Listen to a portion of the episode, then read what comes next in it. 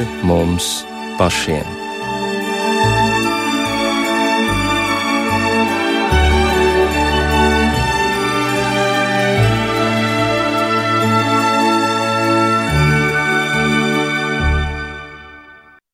Esiet sveicināti raidījumā pāri mums pašiem, lai ir slavēts Jēzus Kristus. Studijā Inte Zēgnere un mūsu viesi ir šovakar pirmo reizi šajā raidījumā ilgadējs grupas Čikāgas piecīši dalībnieks. Gribētu sacīt leģendārais Armands Birkens. Labvakar! Vai, paldies, paldies! Un publicists Arnis Šablovskis. Un šajā vakarā, šajā turpmākajā stundā mēs mēģināsim savienot trīs geogrāfiski attālus, bet garīgi ļoti vienotus punktus - Latviju, Ukrainu un Ameriku. Armāns nesen atbraucis no Amerikas Savienotajām valstīm savā kārtējā svētceļojumā uz Latviju. Toties Arnis pirms kāda laika bija devies uz Ukrainu, un par šajā ceļā pieredzēto noteikti gribēsim dzirdēt. Taču mēs satiekamies arī tādā zīmīgā laikā, 12. jūnijas, un, kā zināms, 14. jūnijā, kas ir Latvijai traģiska diena. Notiks dažādi piemiņas, atceres pasākumi, godinot izvestos, bet, ja paskatāmies vēsturē, 40., 41., 39. gadu, tad izrādās, ka šīs izvešanas vēl pirms Baltija tika pakļauta šīm represijām, šīs izvešanas bija saistītas ar rietumu Ukrainu.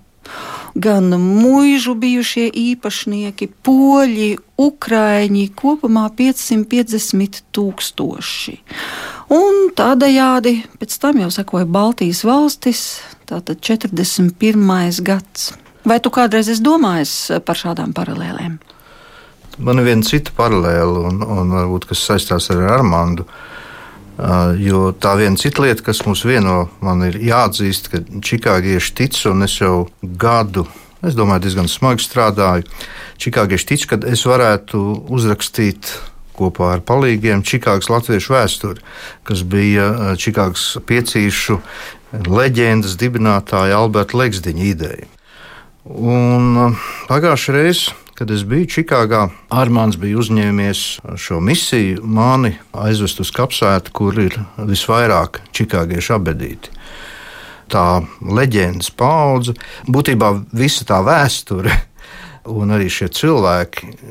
Visa tā vēsture īsti ir notikusi viena cilvēka mūža ietvaros. Pirms tam bija šie veclatvieši Čikāgā, kas ir maz salīdzinoši ar šo pēdējo vilni, kas izbrauca, kad 10%. Un tas emocionālais brīdis bija, kad Armāns veda cauri šīm kapu kopiņām, un viņš varēja pastāstīt par katru no tiem cilvēkiem, par katru tādu cilvēku devumu Čikāgas latviešu sabiedrībā, jo viņš viņus pazina personiski. Un šī mūsu vizīte kapos notika, ja nemaldos, divas nedēļas pirms šī kara, kas ir tagad.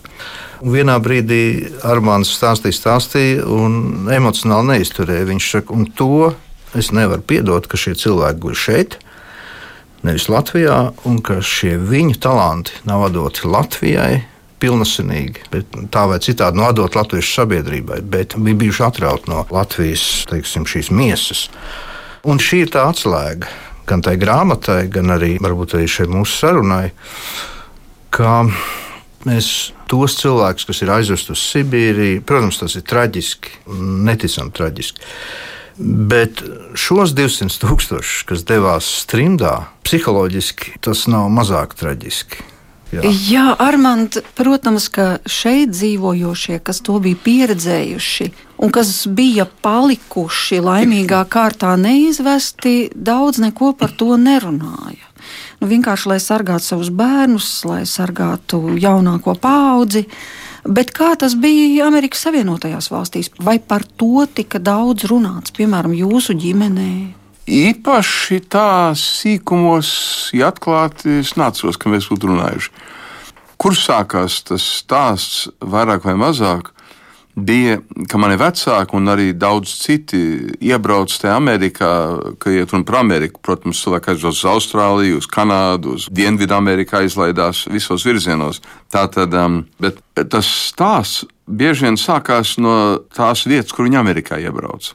Runāja arī par Vācijas bēgļu nometnēm. Piemēram, Alberts Ligzniņš bija Eslingenā, slavenā bēgļu nometnē. Viņš pat uzrakstīja to dziesmu spēli, muziklu, kā viņi tur sauc, muziklu, ko uzved Latvijā Nacionālajā teātrī. 11 izpārdots izrādes viņi rādīja Kanādā, dziesmu svētkos gadus apkārt. Un um, tātad cilvēki runāja par tām bēgļu nometnēm, un tā paudzes atceros, viņi runāja, kurš bija kurā nometnē, vai ne? Kurā tu biji? O, es biju tur, es biju tur, un es biju tur. Un arī tajās nometnēs cilvēki sadraudzējās. Bet labi, tad tur par to nometni gāja runa. Un tur nometnē bija latviešu skolas, tur bija kori, tur bija dziesmu, tādi svētki, nu, dienas, dziesmu dienas. Tur daudz kas notika, jo tur bija visādi cilvēki. Tur bija skolotāji, aktieri, muzeķi, tur bija viss kaut kas. Tur bija tāds diezgan liels klāsts ar cilvēkiem, kuri visi daudz ko zināja. Un tā tur sākās Vācijā visādas lietas. Un, Bet tad uz Ameriku, piemēram, atbrauc kaut kādas grupas vai ne, tam kuģiem, un tā, un tad cilvēki runā, kurā kuģī tu atbrauc, ar kuru kuģi tu atbrauc. Nu, tas salīdzināja, kurās vācu bēgļu nometnēs, kuros kuģos, un tad, kur tu Amerikā iebrauc. Mani vecāki daudziem citiem iebrauc Mississippi štatā, kas ir Amerikas dienvidos pie Meksikas jūras līča. Tur ir karsts, eh, tur ir Mississippi. Nē, nu, tas īstenībā bija uz augšu, bet tur viņi iebrauca. Tad viņi tika līdz Mississippi štatam, un tur viņi strādāja amerikāņu lauksaimniecībā. Visi tiem olas lasīja, un, un arbūzi lasīja, un varbūt kokvilnu lasīja, un visu kaut ko. Mans tēvs ir bilde, ka tēvs eh, jaunībā taisa eh, vistām mājiņu tādu savam rokam, to likto. Bet kas viņš bija pēc profesijas? Viņš sāka studēt uh, lauksaimniecības akadēmijā Priekuļos. Viņš gribēja būt agronoms. Bet tad jau viss tā mājiņa, tas vēl nav tik traki, kā Kārlim Česberim bija, kuram bija nekāds sakars ar lauksaimniecību vispār, bet kurš bija pieteicies kā lauksaimnieks, lai vispār varētu izbraukt. Un, acīm redzot, tas arī nebija vienkārši šī izbraukšana no nometnēm. Tur cilvēki darīja visādas lietas, ko viņi nebija pieraduši kur manā mamma gāja Jālgavas skolotāja institūtā, nu, ko viņa no kaut kādiem laukiem tur, es domāju, vairums cilvēku, kas izbrauc laba daļa. Tie jau bija liela, daudz bija pilsētnieki vai ne? Un viņi tur par kaut kādu arbūzu lasīšanu vai kaut kādu kokvilnu lasīšanu, ej nu sazina, ko viņi zināja. Bet nu atkal, tu dari to, kas tev jādara, lai tu izdzīvotu. Nebija variantu. Man visvairāk žēl tie vecie cilvēki, kas bija toreiz, kas izbrauc gados.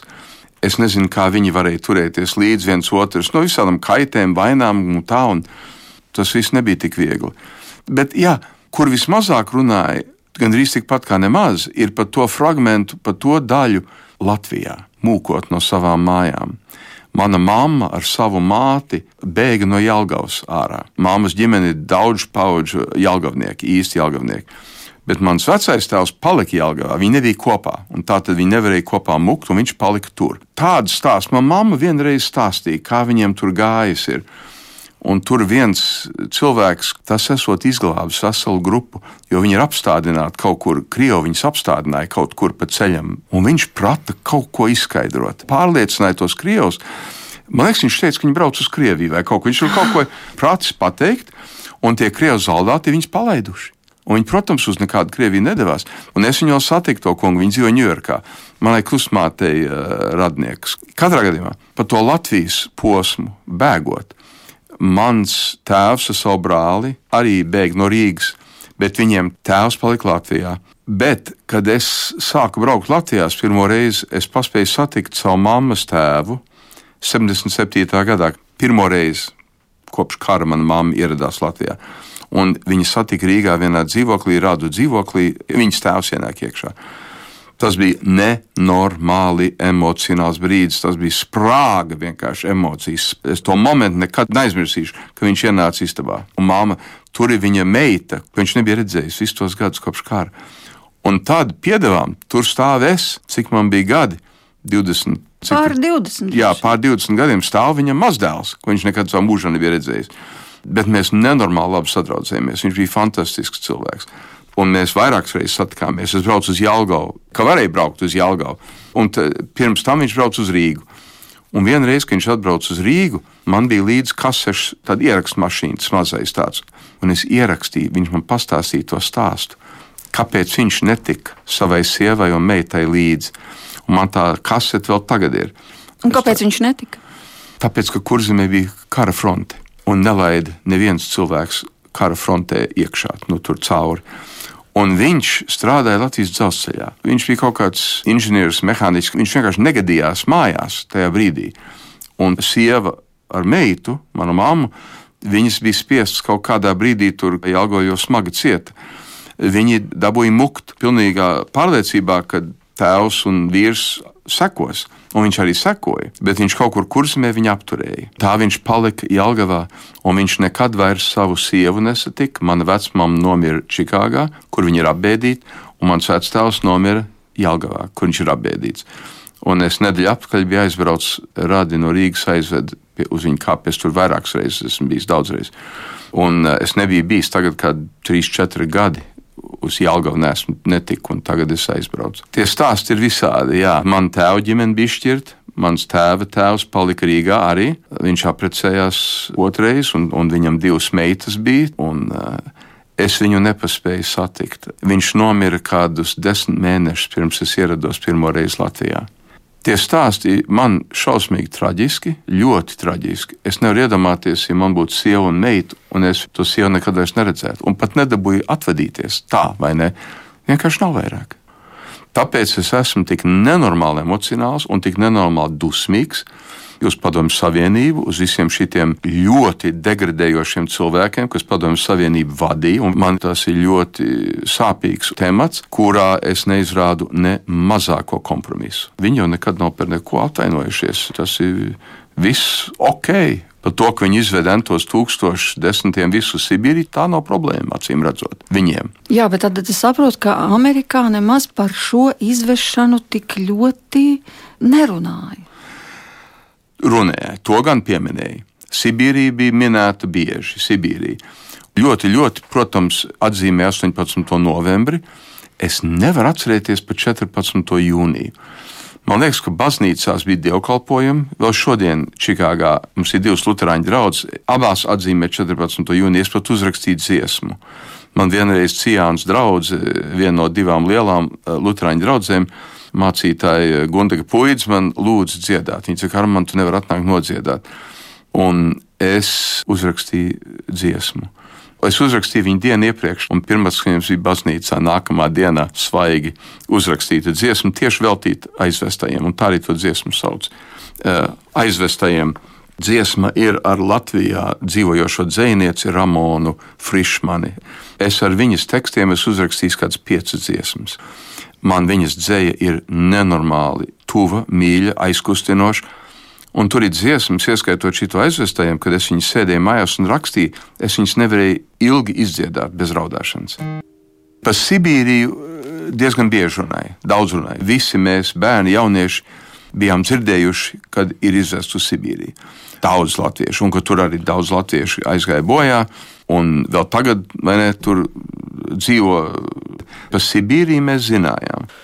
Jā, jūs esat bijis daudzos vadošos amatos Čikāgā un Čikāgas Latviešu biedrībā, un es tagad pat neuzskaitīšu tos visus, nu, kurš gan nezina Armāndu Birkenu, bet eh, kāda ir tā garīgā noskaņa Čikāgā? Jūs minējāt divas luterāņu draudzes, ir, kas notiek garīgajā dzīvē vispār, baznīcu dzīvē? Nu, es varu pateikt tā, ja jūs gribat to īsto reālo atklāto atbildi, es varu pateikt visas draudzes burtiski mirst ārā. Kāpēc? Vecākās paudzes, kuri bija tādi diezgan pieklājīgi baznīcā gājēji, tās paudzes, diemžēl, pamazām iet mūžībā. Tie, kuri bija Latvijā dzimuši pirms kara, kara laikā, teiksim, piedzima Latvijā un kuri izbrauc, cik viņiem jau visiem ir gadi? Tur jau ir 90 un plus. Jā, bet vai tad vajadzīgs Dievs ir tikai tiem, kuriem pār 90, kuri saprot, ka tā robeža tuvojas, vai tad Nē. citiem? Es par to drusku brīnos. Lieta ir tāda, tās paudzes bija baznīcā gājēji. Un īstenībā viena daļa, es tā vēlāk sapratu, jo māsa un mani, mani vecāki arī ved uz baznīcu. Un vecmāmiņa brauc līdzi, mēs braucam uz baznīcu samērā bieži. Māsa ar maniem gājām sēdienas skolā, sēdējām sēdienas skolā. Es biju Jāņa draudzē, man vecāki bija Jāņa draudzē. Un tur bija daudz cilvēku, ļoti daudz cilvēku. Ziemassvētku vakarā bija divi dievkalpojumi, un tā baznīca bija paliela. Latvieši nopirka no kaut kādiem skandināviem, norvēģiem vai kaut kur baznīcu, un viņa ļoti smuka baznīca. Viņam bija divi dievkalpojumi, divi, jo viens bija pa maz. nevarēja viss sajiet, un bija ļoti daudz cilvēku. Oi, bies tur bija, bies! Un tā šodien, pirmkārt, abās draudzēs ziedu laikos bija labi pār pa tūkstošu draugu locekļiem, cik es atceros. Šodien nevienā no otrā draudzē nav vairs 200 cilvēki. Es ļoti ceru, ka es nesamelošu. Bet kā jūs to skaidrot? Kāpēc tad vecākā paudze kaut ko nav nodevusi mantojumā jaunākai? Tas varētu būt viens izskaidrojums. Bet vispār tas, kas notiek baznīcās, notiek vispār organizācijās. Latviešu biedrībā kādreiz arī bija simtiem biedru. Mums arī nav pārpa 150, cik mums ir biedri. Šobrīd es precīzos skaitli neatceros. Mums nav 200 biedru vairāk, agrāk mums bija simtiem. Un, kad bija sarīkojums, visi gāja tās paudzes, 50, 60 gados, tie pieaugušie cilvēki. Viņi nāca, un tas bija viņu pienākums. Un cilvēki iestājās Latviešu biedrībā un draudzēs, jo viņiem bija jāpiedara pie Latviešu sabiedrības. Viņi iestājās biedrībā, viņi nāca uz visiem koncertiem. Mani vecāki gāja uz visiem koncertiem, teātri, viss. Mani veda Laura, man māsu veda. Mums nebija nekādas pārunas mājā, vai mēs gribam braukt. Vecāki gāja, mēs gājām līdzi. Un tā es no jaunības, no bērnības esmu novērojis šajos latviešu sabiedrību. Tagad pamazām, pamazām jau tie, kas saka, vecie vai ne, kas bija toreiz jau pieauguši un jau sirmgalvi, nu, tie jau vienkārši sāk Amerikā, nu, viņa nabaga aizgāja mūžībā. Ne? Viņu pēcteči lielā mērā nepalika aktīvi latviešu sabiedrībā. Un es nekad nevienam neko nepārmetu. Es paskatos fotogrāfijas, kas tajā baznīcā bija cilvēku. Tur mans tēvs ļoti daudz fotografēja. Man ļoti daudz fotografijas ir mājās, vēsturisks visādas. Es kādreiz tās bildes pašķirstu, un tur sēžu baznīcas pagrabā, saviesīgā zālē, tur kaut kas notiek. Es skatos, kur visi tie cilvēki ir. Tie jaunie cilvēki, kas toreiz bija bērni, mani līdzgaitnieki, es teikšu, tā 95% ir pazuduši no latviešu sabiedrības. Tas ir apmēram tā rupja rēķinot - 95%. Un varbūt vēl vairāk. Un iemesls? Es nezinu. Viņi ir amerikanizējušies. Viena laba daļa apprecēja amerikāniešus, gan vīrieši, gan sievietes ieprecējās amerikāņos. Ir vieglāk dzīvot kā amerikānim, teiksim, te Amerikā, nekā kā latvietim. Bet es saku, es nepārmetu es neesmu tiesnesis, un es, es nevienu nesodu, lai neviens nekad nepārprot. Mani labie draugi, daudz nav vairs latviešu sabiedrībā. Es vienmēr lietoju manas latviešu skolas klasi, mēs jau tur kaut kādi 11. Aktīvs latviešu sabiedrībā, man liekas, tas tikai es. No 11. Divas vai cik dzīvo citos štatos, es vienu otru neesmu redzējis gadu desmitiem, un uh, viņi vienkārši pazuduši. Tā tad, jā, un tagad attiecībā uz baznīcu. Katoļiem bija sava draudzene, katoļu draugs, viņiem bija baznīca, ko piešķīra viņiem Čikāgas amerikāņu katoļu biskups, arhibīskaps. Viņiem bija Aglons baznīca, tāda neliela, bet katoļu baznīca. Un katoļi tur ilgi daudz gadus, gadu desmitiem viņi tur bija. Bet viņi kādus gadus atpakaļ bija tik maz palikuši, kad Amerikas arhibīskaps to baznīcu aizslēdza. Un es biju aizgājis uz pēdējo dievkalpojumu. Tā bija vēsturiska diena. Un tur bija Čikāgas kardināls. Jā. Kardināls Džordžs bija ieradies, kas ir augstākais katoļu vadītājs toreiz uh, Čikāgā. Viņš atbrauca. Un tur bija vēl dažādas prominences un ekscelences un viss. Un es safotografēju šo, un es vēl bišķi aprakstīju, laikam, Čikāgas ziņas mūsu vietējiem preses izdevumam, šo pēdējo dievkalpojumu. Un tad viņi to Amerikas katoļu iestāde virsvalde pārdeva to baznīcu. Čikāga bija Baptistu kopa, aktīva, ļoti aktīva Baptistu kopa. Tā jau sen aiztaisīja ciet visu, nav vairāk. Baptisti vairs nav katoļi, katoļi ir kopa, viņi saucās katoļu kopa, un viņi iet vienā amerikāņu katoļu baznīcā. Un kaut kā reizē mēnesī tur notur dievkalpojumu. Un viņi vēl šodien, cik es zinu, sanāk, bet nu, tur ir maz palikušies viņi. Tātad katoļi, varētu teikt, ir stipri sarukuši un baznīca vairs nav. Baptisti sarukuši, baznīca vairs nav. Viņiem kādreiz bija, viņiem laikam baznīca nepiederēja, bet viņi katru sēdienu sanāca. Tad bija vēl viena otra draudzene, Čikāgā Lutāņa. Tās jau sen vairs nav. Palikušas ir divas tās, kas kādreiz bija varenās lielās Lutāņu draugas. Un tas ir viss. Abi mācītāji ir no Latvijas, bet visa sabiedrība sarūk, un baznīca arī. Kas vēl notiek? E, grib vecāki, e, kas ir jaunākās paudzes, nu tā, bērns piedzimst, no viņš grib kristīt to bērnu. Bet ar to pašu arī apstājās. Viņi ļoti reti iet uz baznīcu, ļoti reti. Kad nāk uz baznīcu, tas pats vecais variants nāk Ziemassvētkos un Lieldienās. Tad ir Ziemassvētkos Cijāns draudzēs, tur es spēlēju ģitāru. Mans piecīšu kolēģis Alns Cers arī nāca man palīgā. Mēs esam ar ģitāriem pavadījuši klusu nakti, svēta nakts. Ziemassvētku vakarā Cijānā sanāk tāds puslīdz pieklājīgs skaits. Bet savādāk tur kādreiz sanāk 10, 15, 20 cilvēki. Tā sēdienās atkarībā no kāds laiks ir ārā un, un tā tālāk. Un Otrā draudzē nekas pārāk daudz spīdošs. Viņi pazaudējuši vairākus ļoti aktīvus, lielus draugus locekļus. Tur, kur Alberts piederēja eh, Pētera draudzē, Alberts Legziņš tur piederēja, Ulris Ievāns tur piederēja no piecīšiem, divi dibinātāji, tie vairs tur nav. Uldim Ievānam brālis Jānis Ievāns bija ļoti aktīvs Pētera draudzē. Viņš nomira dažus gadus atpakaļ, dziedāja arī viņa bērēs. Bet, respektīvi, tajā draudzē viņi pazaudējuši vairākus uh, vadošos cilvēkus. Un tā tas ir. Un tie pēcteči procentāli maz turpina darboties un nākt. Kas būs pēc pieciem gadiem? Ui, to mēs vēl redzēsim. Un mēs nu pat pagājušos pusgadā pazaudējām uh, divus sabiedriski aktīvus goda vīrus. Viens bija Dāngos Vanlega priekšnieks, Ivars Kēlers, ļoti sabiedrisks aktīvs, un tad uh, tāds Juris Valains, kas bija ļoti aktīvs katoļs, viņš vadīja to katoļu kopu, viņš katols. Tik mīļš un labs cilvēks, viņš dziedāja vīrkoru, viņš bija vīrkoru priekšnieks daudz gadus, viņš strādāja daudz gadus Čikāgas Latviešu radio raidījums, ir vēl tagad. Visvecāk ejošais latviešu radio raidījums ārpus Latvijas. Es arī vairākus gadus bija viens no programmu vadītājiem Čikāgā. Jā, bet šī situācija, ko jūs aprakstījāt, par ko tā varētu liecināt? Tad kas notiek? Mēs zaudējam kaut kādus savus pamatus, un starp citu neatkarīgi, vai tas ir Latvijā, Īrijā, Amerikā vai kur. Tā tad latvietība, identitāte, ticība. Kas īsti notiek? Un es arī gribētu, lai tu arī iesaisties šajā sarunā. Uh, es domāju, tā nav tikai uh, negatīvā vēsts. Kā Armāns teica, ir šī paudžu maiņa. Bet redz, ka nenotiek šī paudžu maiņa. Nu, viņi notiek, viņi notiek, cilvēku, sav, viņi notiek savādāk nekā mēs to gribētu. Ja? Ko Armāns citā sarunā teica, ka um, šis jaunais vilnis no emigrācijas tas tomēr mazliet iesaistās arī dažādās tur. Viņiem savu deju kopu ir un arī, arī Čikāgas latviešu biedrībā.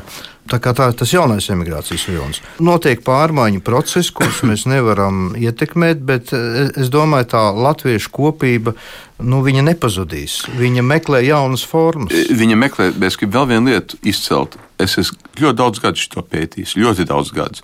Jo es esmu visu mūžu, mans tēvs bija ļoti aktīvs sabiedrībā. Viņš bija Jāņa draugs priekšnieks gadiem. Viņš bija valdē, pirms tam viņš bija aktīvs Jāņa draugs. Viņš bija korporācijas Livoniķa seniors uzdienē. Viņš bija vēl tagad, viņš iestājās, bija mazs puika, viņš iestājās Livoniķos Čikāgā. Ļoti aktīvi studentu kops bija Čikāgā. Viņš iestājās, viņš bija viens no ilgāk kalpojošiem Čikāgas Latviešu biedrības valdes locekļiem. Viņš bija kasieris gadiem, kaut 20 gadus. Kad māsas mēs gājām Latviešu skolā, sestdienās bija viena diena nedēļa Latviešu skolā, viņš bija eh, kādu laiku vecāku padomus priekšsēdētājs.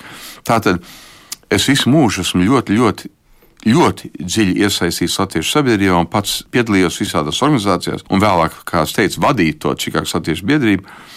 Es esmu nācis pie viena slēdzienu. Un es esmu runājis Latvijā pagājušā vasarā ar vienu valdnieci, mēs par šo debatējām. Es pateikšu vienu lietu, un, un tos es novēroju gadu desmitiem. Mēs pazaudējam cilvēkus, tos pēctečus, tāpēc ka viņiem nav laba valoda. Viņi nevar izteikties, un viņiem ir nērti. Viņš nevar parunāt latviešu. Tā valoda viņam kropļot, sakropļot. Viņam trūkst vārdu izvēle, un es strīdējos, es nestrīdējos, bet mēs debatējām ar to valodnieci. Viņi zinās, ja viņi klausās, kur viņi ir. Es runāju viņu, un es teicu, mīļie cilvēki, ja mēs pastāvēsim uz šitiem gramatikas likumiem, mēs esam cauri. Neviens, es uzsveru, tos likumus nevar atcerēties. Neviens, kuri ir divi S, beigā gaisa, kur ir divi S, kur ir tas, kur ir tas, kur ir tas, tie likumi, es viņus neatceros tikai tāpēc, ka es esmu bijis aktīvs un tā, es kaut kur atceros, kur jāliek tie divi es. Es jums nevaru šodien pateikt, kas bija tas, tas izskaidrojums, kad jāliek. Es to nezinu. Ja es to nezinu, tie, kuri nav nākuši latviešu sabiedrībā, tie vēl mazāk zinās. Tie valodnieki, tie domā, ka tā nav problēma. Viņa ir problēma. Un es klausos, kā cilvēki runā. Man ir draugi, viņi ir apprecējušies amerikāņos, viņiem nav ko to valodu lietot. Ja tu nelieto valodu, viņa grimst vēl jau vairāk. Es visu mūžu runāju ar vecākiem tikai latviešu. Un es biju piecīšos no, no 19 gadu vecuma, es visiem kolēģiem tikai latviešu. Es to valodu esmu lietojis. Mani vairums, mani draugi to nedarīja. Un tas nav pārmetums. Viņi vienkārši nebija kur. Vecāki nomirst vai kaut kā apprecēs ar amerikāņu un cauri. Valoda, valoda, valoda. Un viņi, viņiem ir nērti. Viņi nevar izteikties. Viņiem ir nērti. Viņš negrib nākt. Viņi ir inteliģenti cilvēki, labi, viss normāli. Bet viņi satiek tagad dārni, un viņi nevar ar ārnu latviešu normāli sarunāties. Nevar. Jā. Un tomēr ir latviešu organizācijas, protams, un tas, ko jūs minējāt, kori, tautas deju kopas un tā tālāk, un ka šī latviešu sabiedrības sarūk. Bet es atceros, te pirms kāda laika bija iebraucis Latvijā rakstnieks no Lielbritānijas, Lords Egremonts, jau arī cienījamā vecumā. Viņš teica tādu interesantu frāzi, ka nu, cilvēki parasti uztraucās par to, ka kā tā vecākā paudze aizies mūžībā, un tad baznīcas paliks tukšas, nebūs kas tās apmeklē, bet par to nu gan nav jāsatraucās, jo galu galā viena paudze noveco, bet tad nāk atkal nākošā paudze, kas paliek vecāka un sāk domāt, kas ir mūžība, kas ir dievs, un ka baznīca nekad nebūs tukša. Mm. Tāpēc... Viņi nenāk. Ne. Viņi, jūs varat pateikt tam kungam, ka viņi nenāk. Mm. Vismaz Amerikā, Čikāgā. Nē, nu varbūt šis ir tas brīdis, kad man ir mazliet jāpadalās ar to, ko es piedzīvoju Ļuvivā, kur grieķu katoļu baznīca, Pētera Pāvila baznīca, kas, protams, ir galvenā armijas baznīca. Tur ir četri dievkalpojumi darba dienā, kas, nu, es, es teiktu, divas trešdaļas šī baznīca ir pārpildīta, un tā ir liela baznīca. Nu, varbūt mazliet mazāk kā doma baznīca. Lielākā daļa pat ir jaunieši. Pilna tā baznīca ir. Un, protams, tas ir tā, to specifisko apstākļu dēļ, kara apstākļu dēļ. Arni, bet ja nebūtu tradīcijas, tad diez vai viņa būtu pilna. Vai tu Droši tiešām vien. domā, ka tas ir vienā uh, pateikt? Dienā es, notika tā, ka jā, nu, galu jā, galā. Jā, jā, es runā, runājos ar vienu katoļa uh, biskupa mājas sargu, tādu ļoti vienkāršu cilvēku. Un viņš teica uh, sekojošu teikumu. Un pirms šī kara, kas tad bija mūsu dievs? Viņš teica, dolārs bija mūsu dievs. Vajadzēja atnākt šai nelaimēji, un viss mainījās. Viss mainījās. Karš ieved korekcijas. Absolūti, absolūti, absolūti vienkārši. Un es domāju, ka kaut kādā ziņā tā korekcija ir notikusi ne tikai tur uz vietas, Ukrajinā. Liela daļa cilvēku, pat ja viņi neiet baznīcā, viņi uztur šo pozitīvo domāšanu, vienalga, kā viņi teikt. Vienkārši. Faktiski viens no iemesliem, kāpēc mēs esam šeit, ir šī lieliskā armānda dziesma angļu valodā, kas liecina, ka arī šķiet, arī viņš dienu iesāk ar ziņām par to, kas tur ir noticis. Jā. Ukrainā, noticis Ukrainā, jā. jā, jā, tā kā es domāju, šis Ukraiņas notikumu pieskāriens, vienalga, kā mēs varam neteikt, ir viss mūs mainījis.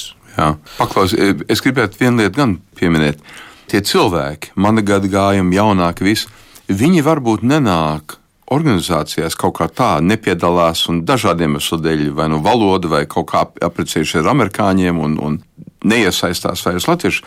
Es neesmu nekādus zinātnieciskus pētījumus eh, darījis, bet cik es esmu novērojis, gandrīz visi. Es negribu, lai neviens pārprot, ka tie cilvēki nav lepni, ka viņi ir latvieši.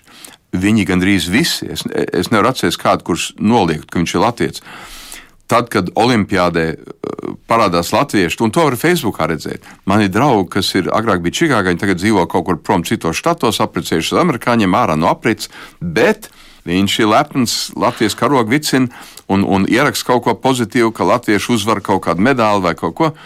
Un tāpat um, viens otrs brauc ik pa reizei uz dziesmu svētkiem. Tātad viņi nenoliedz, ka viņi ir latvieši, un viņi, viņi alaž darbvietās un kaut kur aim Latviju vai ne, aim Latviju un tā. Viņi nenoliedz Latviju, viņi nav. Viņiem nav kauns, ka viņi ir latvieši. Tas galīgi nav. Viņi pat, es domāju, cik es esmu runājis un redzējis, viņi ir lepni, bet nu, viņi to neizrāda iestājoties baznīcā vai latviešu biedrībā vai kaut kur tā. Bet sabiedrība sarūk. Un tie no Latvijas, ko Arnēs pieminēja, bez viņiem es negribu pat domāt, kas būtu. Tie, kas ir nesen iebraukuši. Pēdējos 30 gados, jā, mm. sevišķi pēdējos 20, kaut kur tā, plus mīnus. Tie tagad ir iedevuši mūsu trimdu sabiedrībai papildus spēkus. Trimdas organizācijas un tas, kas notiek ar trimdas cilvēkiem, tas ļoti lielā mērā nu, ja, bija atkarīgs un ir atkarīgs no tā, kas notiek Latvijā, kāds ir šis mikroklimats Latvijā. Tad viena maza daļa atbrauc atpakaļ, bet viena daļa teica, nu, ja būtu 10, 15 gadus ātrāk, tad. Tā kā mm, tas sāls ir tajā, Latvija rada šo mikroklimatu, kurā viss ir aicināti, kurā sūta redzamus, neredzamus signālus, uh, kopiet savu latviskumu, jūs mums esat ļoti svarīgi, vai jūs runājat labā latviešu valodā, sliktā latviešu valodā, vai jūs nerunājat latviešu, bet jūties latviešu. Ļoti svarīgi, kādus signālus sūta uh, no Latvijas. Mm.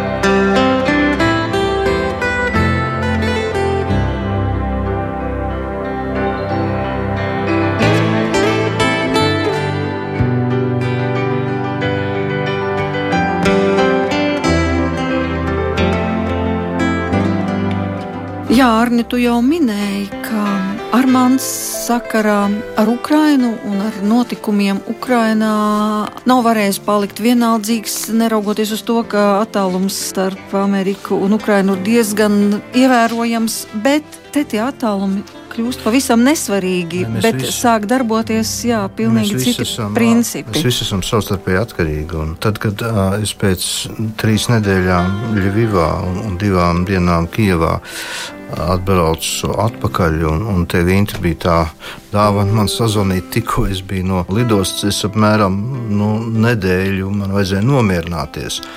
Un viens no veidiem, kā es nomierinājos, bija tieši Armānda dziesma. Jo, lai arī es biju fiziski šeit, Vivā, līdz pārdzīvoju šo cilvēku izjūtas, tad man likās, šajā dziesmā Armandam ir, ir izdevies būt Ukrainā garīgi. Viņš ir garīgi līdzpārdzīvojis to, kas tur noticis ar sievietēm, ar bērniem, ar dzīvniekiem. Viņš ir ielicis visu savu uh, līdzjūtību un empātiju. Un paldies, Armāns, jā, šī dziesma man, man deva zināmu mieru. Un arī kaut kādā mērā šis sasaucas ar to, ko mēs runājām par uh, latviešu bēgļiem. Tad šīs divas atmosfēras uh, ir ļoti līdzīgas. Tev ir jāpamet māja, kura ir saspridzināta, vai kur ģimenes tiek šķirtas vai ne. Es esmu runājis ar kundzēm, kuru vīri, protams, karo šobrīd. Un kas saka, ka dzīvo Ļuvijā šobrīd ar saviem diviem bērniem. Tā viena kundze teica, es sagaidīšu uzvaru šeit, es nekur nebraukšu. Ir, ir ļoti dažādi, jo tā Ukraina ir liela. Un man bija pārdzīvojums būt Ļuvijas kapsētā kur pie kapsētas žoga ir, ir izveidota jauna kapsēta, jo lielajā kapsētā vairs nav vietas. Runa ir par varoņiem, kapiem, par zaldātiem un virsniekiem par kritušajiem. Es satiku pie, pie vienas kopiņas jaunu meiteni un vecāku vīru, un kritušais bija 21 gadu jauns. Tā bija māsa un tēvs. Un viņi tieši to teica, ka šie kapi šeit ir tāpēc, ka lielajā kapsētā vairs nav vietas. Respektīvi, tā elektrība, ko Armāns ir ielicis šeit dziesmā, kur faktiski viens cilvēks uzdrošinās ietekmēt tik daudzu cilvēku ģimenes dzīves. Un tādēļ šajā atmosfērā Amerikā es jūtu daudz lielāku empātiju, gan ar, ar ieročiem, vispārējo, bet šobrīd Eiropā šī dīvainā saruna par kaut kādiem kompromisiem, tas ir briesmīgi vienkārši. Jo katru sekundi, kurā tiek nokavēta ieroču piegāde, kādi tiek nogalināti, ģimenes tiek salauztas tieši tādā pat veidā, kā tika salauzta Armānda ģimene un dzimta. Un ievainot. Un ievainot, jā, jā. Nopietni ievainot. Un, un vienīgais veids, kā to ietekmēt, ir vienkārši dot šīs konkrētās liecības par konkrētiem bērniem, konkrētām ģimenēm. Jo tiešāk, jo labāk. Jo Eiropa kaut kādā mērā viņi turpina. Viņi, jā, viņi mēģina palīdzēt, bet viņi saka, nu, varbūt pietiks. Viņi atkal atgriežas savā egoismā. Bet mana tā galvenā sajūta ir, ka palīdzot Ukrainai vai Ukraiņiem, mēs palīdzam sev, mēs mazinām šo egoismu, jo pasaule bija nonākusi totālā egoismā. Un tā nav tā, tā fiziski tā cīņa ir Ukrajinā, bet, bet garīgi tā cīņa ir daudz globālāka, daudz plašāka. Tā ir gaisma pret tumsu. Absolūti. Tā, tā cīņa gaismai ar tumsu ir vienmēr, tieši bet tā. ne jau vienmēr šādā karā. Jā, tieši tā. Nu, pirms sarunas es, es jums abiem aizsūtīju Volodimiru Zelenska uh, interviju, un tur jautājums no publikas bija. Cilvēki prasīja, bet nu, ko mēs, cilvēki no ielas, ko, kā mēs varam palīdzēt, ko mēs varam izdarīt. Un tā viņa atbild bija: uzturiet, neaizmirstiet par Ukrajinu, izdariet to mazumu, ko jūs varat, bēgļiem, ar tiem talantiem vai līdzekļiem, kas jums ir. Mēs to klausīsimies Armānda dziesmu, bet varbūt jūs pats gribējāt kaut ko piebilst par šo dziesmu, ko jūs esat Ukrainai veltījis? Nu, dziesma ir angļu valodā. Pirmkārt, nu, es vienkārši nekad neesmu bijis tāds vienaldzīgs. Es esmu iesaistījies visādās lietās. Man tāds raksturs vienkārši Es arī uzaugu Amerikā, teiksim, 60. gados. Amerikā bija ļoti spēcīga folk mūzikas kustība. Bobs Dilans un vēl daudz citi. Un viņiem dziesmas bija raksturīgas ar to, ka viņi skārās pie visādiem politiskiem vai sabiedriskiem jautājumiem. Es uzaugu tajā vidē, teiksim, un tas man ir iekšā. Un piecīšos arī tas stils, tas folk stils ar tām ģitārēm un visu. Un es uzrakstīju arī latviešiem toreiz, kurā gads bija 91. vai kurā Eh, to vidas aizsardzības dziesmu Daugavā, Jūrmalā. Mums eh, daba jāsargā, kaut kas uzrakstīt to tajā pašā virzienā un veidā. Tagad es skatos tos neaptverami šausmīgākos kadrus, ko rāda ziņās. Te Ukrainā es nevarēju to izturēt. Un es, es vienkārši pie sevis sāku domāt, zini, ko man iekšā sāk vārīties. Eh, ļoti vārījās, un es domāju, varbūt es varu uzrakstīt kādu dziesmu. Un, uh, mums arī bija Čikāgā vairākas šīs demonstrācijas centrā un citur. Tie Ukrāņi, Ukrāņi ļoti aktīvi. Mums ir divas lielākās Ukrāņu kopienas Amerikā, Čikāga un Ņujorka. Mums Illinois štatā ir pārpa 100 tūkstoši Ukrāņu. Mums ir viena no lielākajām kopienām, un tad arī Ņujorkā. Mums ir ļoti daudz reizes bijušas visādas sanāksmes, un Baltieši piedalās. Lietuvieši, Latvieši, Igauni poļi un visādas vēl citas tautības. Un es iedomājos, es esmu dziedājis agrāk, es uzrakstīju citas dziesmas angļu valodā. Tā kā Bruka padomjas Savienības uzrakstīja divas dziesmas, kuras es dziedāju pilsētas centrā. Un es piesēdos 24. aprīlī mājās, piesēdos pie datora, un tas teksts man vienā rāvienā uzrakstīja. Pieliku meldiju klāt, bišķi tur atradu meldiju, un es 25. aprīlī viņu ierakstīju mājās. Un es ieliku Facebook savā profilā un arī YouTube. Viņa ir angļu valodā A Song for Vladimir. Tā ir dziesma viņam personīgi veltīta, jo viņš ir pelnījis, ka viņu uzrunā personīgi. Dziesma Vladimiram, un dziesmā arī tiek pieminēts uzvārds. Tā tad dzirdēsiet ne tikai Vladimiru, lai nebūtu kaut kāds jautājums, ir Vladimirs Putins. You have murdered many children. You have scared many children. You have made them lose their homes. Great men don't do those things, and that is why we sing. Hey, Vlad Putin, leave Ukraine alone. Hey, Vlad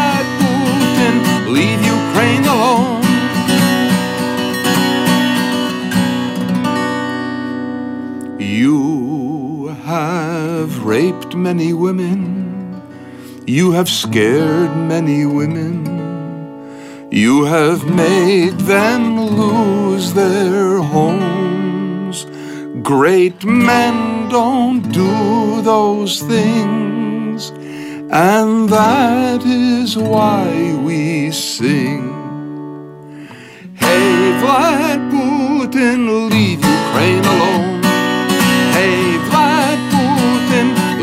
Ukraine alone.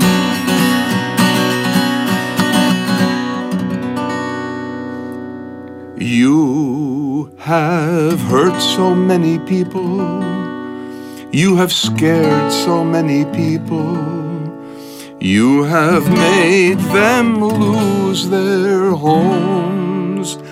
Great men don't do those things, and that is why we sing. Hey, Vlad Putin, leave Ukraine alone. Hey, Vlad Putin, leave Ukraine alone.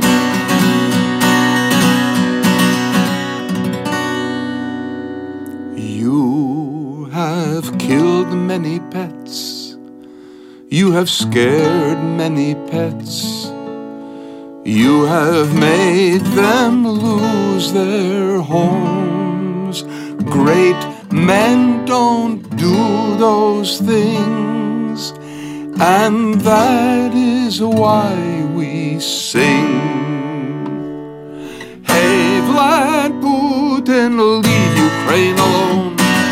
Hey, Vlad Putin, leave Ukraine alone.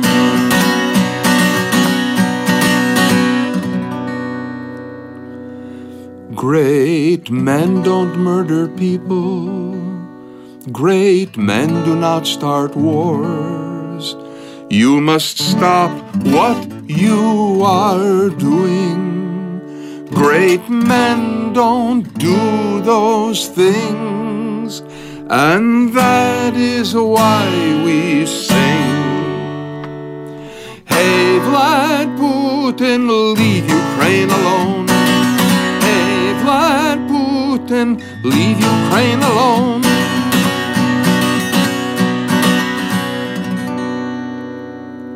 Your time will soon be over.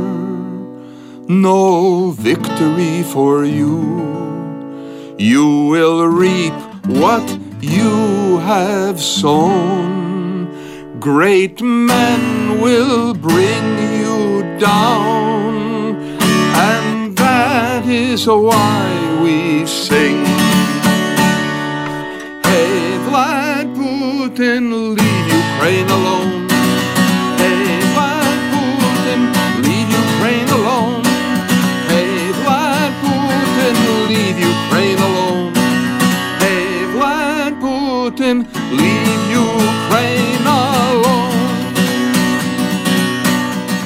Katrā pantiņā es aprakstīju kaut ko citu, kas notiek Ukrajinā, un es viņu personīgi uzrunāju, ka viņš to ir izdarījis. Un tad es aprakstu, es teicu, lieli vīri tādas lietas nedara. Great men don't do those things. Eh, Pirmos es, es, es pieminu pirmā pantā, kad ir bērni eh, noslapkavoti. Tad otrā pantā sievietes izvarotas. Trešā pantā man ir, kad uh, sunīši un kaķīši, mājas dzīvnieki, ir, ir, ir nevien nogalināti, bet palikuši bez saimniekiem. Un uh, tad vispār, ļoti daudz cilvēku ir cietuši. Uh, ļoti daudz ir zaudējuši savas mājas. Es pēdējā pantā, tur vēl bija pēdējā pantā, kad viņa laiks ir īs, un tad es saku, lieli vīri tevi nogāzīs. Jā, redz, kā ir mainījušies laiki. Tā gandrīz gribētos teikt. Atceroties to periodu, kad Armāns Birkens dziedāja saules dienu un viss meža parks uzgavilēja, vai arī mūsu mīlestība, es zinu, ka mēs kādreiz satiksimies. Lūk, un tagad ir ieskanējušās arī citas notis jūsu mūzikā. Bet, Arni, atgriežoties pie Ukrainas, tas tomēr bija ļoti nopietns lēmums šajā laikā braukt uz Ukrainu. Tomēr gribētu, lai tu nedaudz padalies. Ko tu vēl tur pieredzēji? Nu, vispirms tas, tas motīvs, kāpēc es braucu, tas daļai saistīts ar, ar, ar to ar Rīgu. Jo vienkārši, kā tu zini, Rīgā ir šī diennakts kapela. 24 stundas atvērta, kur cilvēki sevišķi grūtos brīžos, vai jebkurā brīdī, septiņus soļus no saimnes zīmīgi var, var ienākt un baudīt klusumu Dieva priekšā. Un manā dzīvē ļoti bieži nācies pieredzēt, ka visizcilākā humora izjūta ir dievam. Tā gadījās nosacīt arī ar šo ceļojumu. Jo cilvēks, ar kuru mēs kopā inicējām šo diennakts kapelu, amerikāņu misionārs Mārtiņš Vicens Lučijas. Viņam uzrakstīja tikai vienu teikumu. Jo, protams, mēs dzīvojam laikā, kur katrs grib kaut ko ar, Darīt. ar katru pilienu Jā. mazināt šo ļaunumu. Es viņu uzspriežu, vai Ukrainā ir šādas diennakts kapelas. Un viņš šajā amerikāņu vieglumā viņš teica, nē, vai tu gadījumā negribi aizbraukt? Un es teicu, jā, varbūt, kāpēc nē.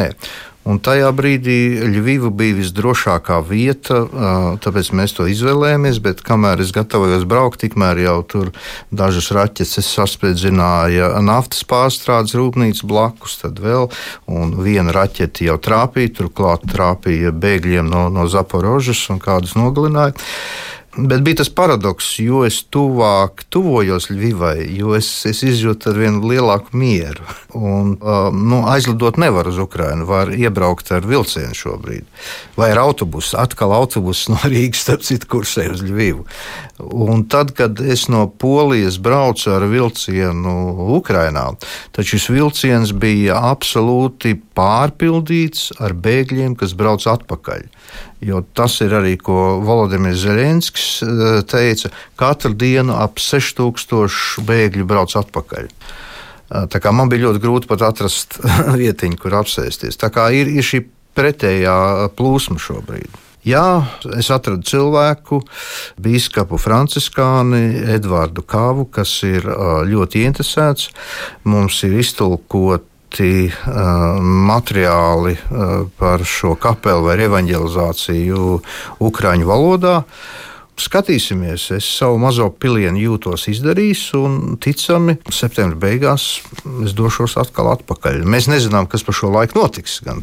Un mēs ticam labāko, jo labākās prognozes ir, ka šogad visam būtu jābeidzās. Bija viena ļoti zīmīga tikšanās, kas saistīta ar Ameriku. Kāds um, Jonatans vārdā, amerikānis, ebreju izcelsmes, kura vectēvs ir bijis no Ukrainas. Viņš, būdams banķieris, sajūta aicinājumu doties uz Ukrajinu. Uz Ukrainu. Viņš sakravāja savas mantas un devās strādāt kā brīvprātīgais. Viņš ir uh, apņēmies tur strādāt līdz kara beigām, un arī pēc tam, lai palīdzētu atjaunot Ukrajinu. Jā, es domāju, šis ir laiks, kurā katrs saņem savu pienākumu no augšas. Nu, un uz šīs cerīgās nots mēs arī raidījumu noslēgsim. Paldies! Es saku par piedalīšanos ilgadējam grupas Čikāgas piecīši dalībniekam, mūziķim, komponistam, dziedātājam Armandam Birkenam un publicistam Arnim Šablovskim. Kopā ar jums šovakar raidījumā pāri mums pašiem bija Inte Zēgnere bet nu, mēs nevaram noslēgt bez dziesmas.